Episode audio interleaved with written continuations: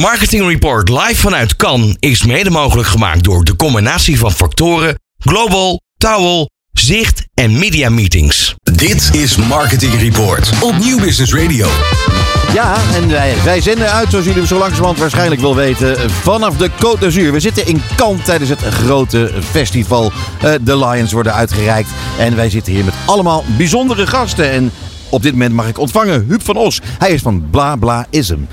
Welkom in de studio. Ja, dankjewel. Zeg, wat ontzettend lekker vind je niet eh, dat wij eh, met elkaar gewoon hier buiten op het strand eh, een interview kunnen doen? Ja, of een gesprek, ik heerlijk. Ja, zeggen. natuurlijk. Ja, die zon, de- dat maakt het allemaal heel erg positief. Lekker hè? Ja. Ehm, eh, jij bent van eh, Bla Bla Ism en dat is natuurlijk een intrigerende naam. Ja. Eh, ik heb het een en ander over jullie gelezen. Jullie, jullie propositie die ziet er heel anders uit dan van de meeste bureaus. Zou je daar een, een tip van de sluier willen oplichten? Nou, sowieso, hè, dus dat hele reclamevak, dat moet natuurlijk eh, opvallen. En eh, er moet ook een goed verhaal achter zitten. Dus, ehm, moet ik een beetje dichterbij? Ja, graag. Nou, er moet een goed verhaal achter zitten. Dus ja, blabla betekent eigenlijk niets hè, als je voor de eerste keer blabla hoort. Maar blablaism, dat is een soort kunstvorm, een nieuwe kunstvorm. De kunstvorm in de reclame. Mhm. En ehm, ja, je zou kunnen denken aan het goede verhaal. En dat is al natuurlijk al heel lang. En eigenlijk, eigenlijk komt alles via de content naar ons toe. Dus de content is super belangrijk. En dan wil ik even 4000 jaar terug naar de Ja. Egyptenaren. Die hebben natuurlijk een waanzinnig verhaal ooit verteld. Wat heel erg lang eh, ja, mensen geïnspireerd hebben, nog steeds. Dus vandaar dat we, nou dat is, en vroeger was eh, kunst geïntegreerd in de samenleving. Hè? Dat, dat was niet gesplitst. Wat je nu ziet, is dat ge- eh, kunst gesplitst wordt. En in feite in de museums zichtbaar zijn. En, eh, en niet meer in het dagelijks leven. Ja, oké. dus dat betekent eigenlijk dat de creativiteit vertaal je, of ja, die, die, die, die, die, die koppel je aan kunst. Ja, kunst is altijd krachtig En, geweest. precies. En eh, design hoort daar dus dan ook bij. Ja, zeker. Ja. Ja. Ja. Dat zijn we een beetje vergeten. Hè? Ja, omdat we in museums de stukken zien. En dus eh, ja, de Romeinen, ik bedoel, noem maar eh, een aantal culturen op. En die zijn allemaal gebouwd op een prachtig, schitterend verhaal. Ook al weten we nu dat, het, dat er niks aan klopt. In ieder geval niet veel. Ja, ja, de. Egyptenaren die waren bang dat de, de zon niet meer op zou komen. ja, Maar ja. ja, maar het is toch zo fantastisch mooi bedacht. onwaarschijnlijk. Ja. Onwaarschijnlijk. Ja, onwaarschijnlijk. hey, luister, jullie hebben een, een hele aparte manier eigenlijk van werken. Want, eh, oh, sorry, ik ben hier aan het morsen. Ja, Ja. het is live radio, mensen. Ja, het is maar een biertje. Het is maar een biertje. Eh, het is eind van de middag en mag het ook, vind ik eerlijk gezegd. Eh, nee, het, het- wat ik wilde zeggen is dat, dat jullie hebben een andere manier van werken. Je- jullie zijn eigenlijk veel strenger voor je klanten dan menig bureau is. Ja. Kun je uitleggen wat, wat dat nou precies is? Waar zit hem dat in? Nou, we, hebben ons, we zijn allemaal eh multi eh, gedisciplineerd. Dus Ja. we hebben heel veel kennis in huis. En eh, ja, we doen gewoon serieus ons werk. En als ons gevraagd wordt als specialist om een bedrijf verder te helpen, dan verdiepen we ons gewoon heel erg goed in. Ja. En waarom zouden we dan drie campagnes maken waar de klant uit kan kiezen? Dat is ook een soort, ja, waarom zou je dat doen? Die klant kan waarschijnlijk ook niet eh, deze drie eh, goed beoordelen zoals zij het kunnen beoordelen. Dus wij discussiëren en eh, maken ruzie. En uiteindelijk kiezen wij zelf van de drie richtingen. En die presenteren we gewoon vol verf aan de klant. Ja. Ja, gewoon één Ja. voorstel. En dat geeft duidelijkheid. Maar toch is het, ik vind dat interessant, want Ja. ik zou me zo goed kunnen voorstellen dat, dat eh, heel veel klanten, met name eh, eh, de mensen die op account zitten, weet je, wel, die vinden zichzelf per slot ook heel, heel erg belangrijk. En dat geldt overigens ook wel voor veel directies. Ja. Dat reclame, iedereen vindt dat hij verstand heeft van reclame. Dat is toch wel een probleem tegen waar je tegenaan loopt, of niet? Ja, dat is ook een probleem. Maar daar moet je het gewoon blokken en zorgen dat je goed ten ijs komt. Kijk, we hebben ook het brein bestudeerd. Ja. En we weten gewoon hoe, de, hoe die routes lopen in het brein. Maar hoe- hoe- vertel even, hoe zit dat dan? Nou, je hebt ehm, acht ehm, routes die eh, via het brein lopen. En daarvan zijn er eh, drie eigenlijk heel belangrijk. Tenminste voor de reclame. Die, acht zijn ook, of die, die vijf zijn ook belangrijk, maar die kunnen niet gebruiken in de communicatie. Oké. En die drie routes die gaan eh ieder een eigen weg. En de ene route, ik ga niet te technisch in, maar de ene route die gaat via de amygdala.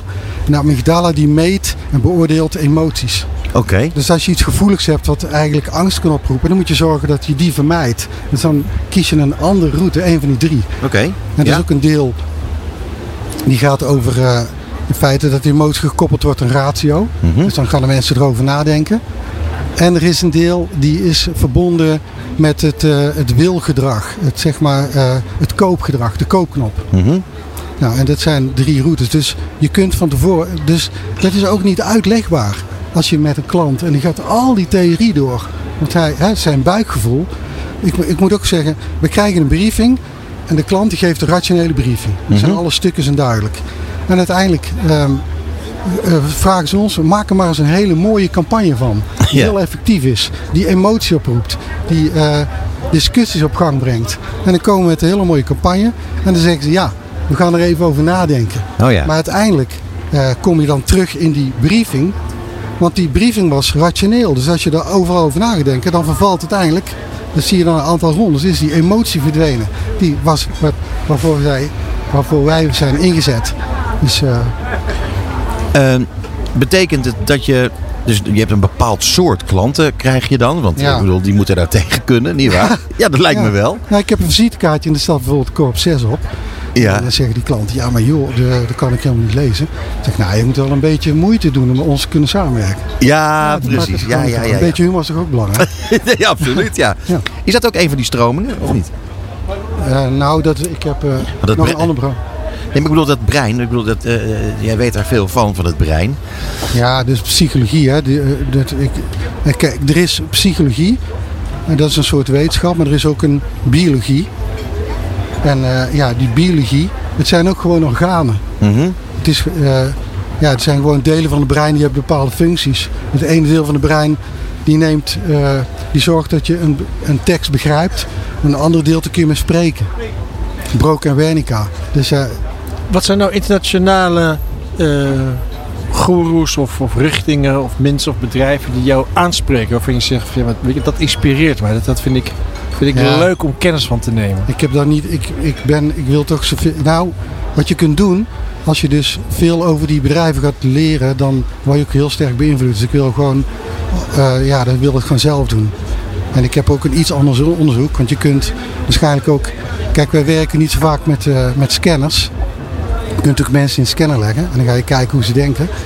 Maar je kunt ook weten hoe het brein eh, werkt. En dan kun je zorgen, ja, je kunt een soort voorspelling doen. Je weet gewoon hoe het brein werkt, hoe die routes lopen. En dan maak je een soort voorspelbaar gedrag. En ik denk dat eh, nou, die route is wel van ons uniek. Dus ja.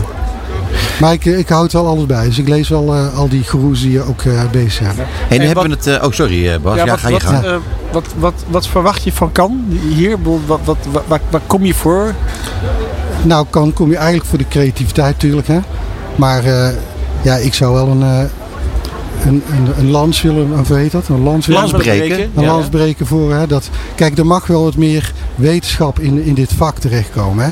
Het, is natuurlijk, eh, het is niet alleen maar buikgevoel. En eh, er zijn misschien sommige mensen die, die hebben dan een derde oog en die kunnen, eh, ja, die, die kunnen dan zomaar in één keer een zaal plat krijgen. Dat geloof ik best wel dat het is. Maar eh, ja, wetenschap is gewoon belangrijk. Ja. Dus ik Nou ja, en daar wil ik er toch even naar terug. Want namelijk, eh, wij zaten even met elkaar te praten al eerder. En Ja. toen, eh, en we, we hebben ook gesprekken gehad. Morgen zie je een hele dag over diversiteit. Ja. Eh, waarbij dan eh, vaak wordt gezegd van ja, god, mannen, vrouwen, die, die zijn gelijk. Die moeten Ja. gelijke kansen hebben. Eh, jij gaf aan dat, dat mannen en vrouwen, die, dat je die toch op een heel andere manier moet eh, eh, eh, benaderen. Eh, er, zitten zoveel verschillen in, in hoe je je communicatie tot stand brengt. Ja. Kun je daar wat over zeggen? Nou ja, het, dat, dat brein van een man dat loopt eh, via testosteron. En van een vrouw dat loopt gewoon op de brandstof eh, progesteron. Dus ja, dat is gewoon een andere brandstof. En als je er van buiten ietsje anders uitziet, dan zie je er van binnen waarschijnlijk ook wel ietsje anders uit. En er is eigenlijk ja, nog. Kijk, dit is maar heel bazaal. Het gaat alleen maar over man en vrouwen. Maar je hebt toch gewoon eh, mensen, personen met twee geslachten. Ja. Je hebt de personen met een, een vrouw met een mannenbrein en een, een man met een vrouwbrein. Dus er zijn heel wat, en dat weten we nu nog niet. Dus ik ben al begonnen met man en vrouw, maar er zijn natuurlijk veel meer varianten. En dat is ook heel natuurlijk. Het is echt niet zo dat eh, je alleen maar hetero's heeft, hebt, eh, ja, dat het dat is.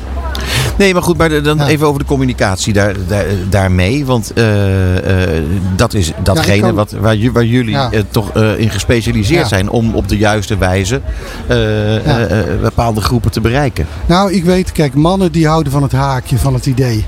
Een vrouw die houdt van sfeer. En eh 1 op de 12 mannen die heeft een kleurenafwijking, kleurenblindheid, Ja, ja. iets. Nou, dat is vooral op rood en groen. Dus als je een campagne begint en je weet dat het gewoon voor mannen is, dan zou je het bijvoorbeeld, hè, er zijn zoveel kleuren, dan zou je die kleur een beetje kunnen vermijden. En zeker als het cruciaal is. Wat slim, nooit over nagedacht. Ja, Wat goed. daarom. Ja. Er rijdt wel eens een man door rood en denkt dat het groen is. Dus Ja. ja, Jeetje, hoe gevaarlijk dit is, hè? Ja. ik heb er nooit bij stilgestaan. Wat ongelooflijk goed zeg. Ja. Waar ik heel erg benieuwd naar ben, hè, is je, je, je, je vraagt veel van je klanten. Maar wie zijn jouw klanten dan? Kun je er een paar noemen? Nou, wij, toen wij begonnen, toen ehm een bepaald type klanten, maar we merkten dat de luxe merken dat we dat snapten. Dat kan ook, hè. Je kunt jezelf positioneren en daar heb je een soort mooi beeld van. Maar eigenlijk moet je in de kern kijken wat je, ja, waar je goed in bent. Ja. En dat Wat je dan- aanspreekt Ja. misschien. En toen, ja, van eh bouwden wij steeds meer klanten op die gewoon in de luxe merken zaten. En vandaar dat wij eh, ja, met Boretti, Drost, Van Bommel, eh Floris van Bommel, beetje dat soort eh, luxe merken. Ja. Dat vind ik wel goed passen. Van, van, Bo- zeker van Bommel, heel eigenwijs merk ook. Ja, ja. Ja. ja, dat is- Ja, nou misschien kan je dat nog eventjes vertellen tenslotte. Eh, wat je gedaan hebt met Van Bommel. Ja, vind ik wel een leuk periode, ja, eh, ja, al die de, het, volgens mij is er een Europese afspraak geweest. En daarin eh, werd bepaald dat eh, die schoenenbusiness die moest naar Italië of andere landen. En eh, nou, dat heeft natuurlijk een enorme weerslag gehad. En heel veel fabrieken, er waren heel veel. In Brabant zaten er heel veel. Ja, heel veel. Ja, Ja. De lange, ja, daar zat ik hem niet, want wij werkten voor Van Bommel, die zit op mijn gestel. Ja. wel Brabant, Ja. wel geconstateerd. En eh, ja, die gingen allemaal verdwijnen. En dat, toen heb ik de stoute schoen aangetrokken om ja, eens een keer met die meneer van Bommel, zo heette die, te gaan spreken. Floris? Nee, dat, eh, Floris was nog niet in zicht. Die was nog een tiener. En eh nou, lieverlee, toen we zeg maar al veel bezig was, toen heb ik hem ook uitgelegd van joh, ik noem dat harde schoenen. Ja, zo'n harde schoen, zo'n Ja. klassieke brook. Ja. Die, ja, dat gaat gewoon langzaam verdwijnen. En je moet een nieuwe weg inslaan. Dus je moet eh, via de kwaliteit moet je overbrengen in een leuke moderne schoen. En zo is die sneaker ontstaan. Dat is een mooi geklede, hippe schoen. En Floris die was eh, ja, de gekste van de drie zonen. Zo. Dus die hebben, die hebben gekozen en die, eh, nou, die vond het hartstikke leuk. Die zei, ik hou helemaal niet van die schoenenbranche, maar wel van, ehm, van de marketing. Ja, dus de, de marketing, het verhaal en de, vond hij hartstikke leuk. Dus dat kwam ja, eigenlijk ook wel een beetje goed uit. Je moet een beetje geluk hebben. hè? Ja, dat is waar. Ik Nou, eh, kan nu- me nog wel herinneren, hij sprak op het eh, heel lang geleden Ja. op het MRG-congres. Ik weet niet of jij dat nog wel weet. En toen eh, hadden ze hem gevraagd of hij wil komen. Ze zei, ja, ik wil wel komen, maar ik wil alleen opkomen op een paard. En toen hebben Ja. ze dus een gigantisch Ja. een neppaard, maar echt heel groot. Op, Van Trooien. Daar zat Ja. hij bo- zo werd hij binnengeschoven daar. Echt briljant. Ja. Goed, hij is wel een beetje zo. Er zat wel een, kijk, ik werkte in het begin met eh, Van Bommel, Frans van Bommel. En eh, ja, daar was toch een beetje frictie. Er zat geen klik. Oh, Er was geen klik. Hij wilde heel graag, maar hij, ja, die nieuwe markten, dat, dat lu- lukte. Dat be- begreep je gewoon niet. En die bizarre dingen die wij deden. En toen zeiden ja, en eh, toen zeg maar een paar jaar verder waren en Floris eigenlijk wel oud genoeg als om mee te doen in de zaak. Toen zeiden ja, ik, over een paar weken dan komt die Floris. En die zit dan op mijn stoel en dan eh, werk je met Floris. En dat was inderdaad zo. Dus, eh, Ja. Tof en, hoor. ja, Ja, goed verhaal. Nou ja, eh, over goede verhalen gesproken. Op een gegeven moment moet je daar ook eens een keertje mee ophouden. Met je bureau ga je natuurlijk door. Bla bla is het. Ja. En eh, ik hoop dat je hier een heel succesvolle week hebt in ja, Cannes. super. Ja. Enorm bedankt dat je naar onze studio bent gekomen. Nou, en, eh, graag he- gedaan. en heel graag tot een volgende. ja, tot de volgende keer. Hè. Doei. Dit is Marketing Report. Met Peter Wiebinga en Bas Vlucht.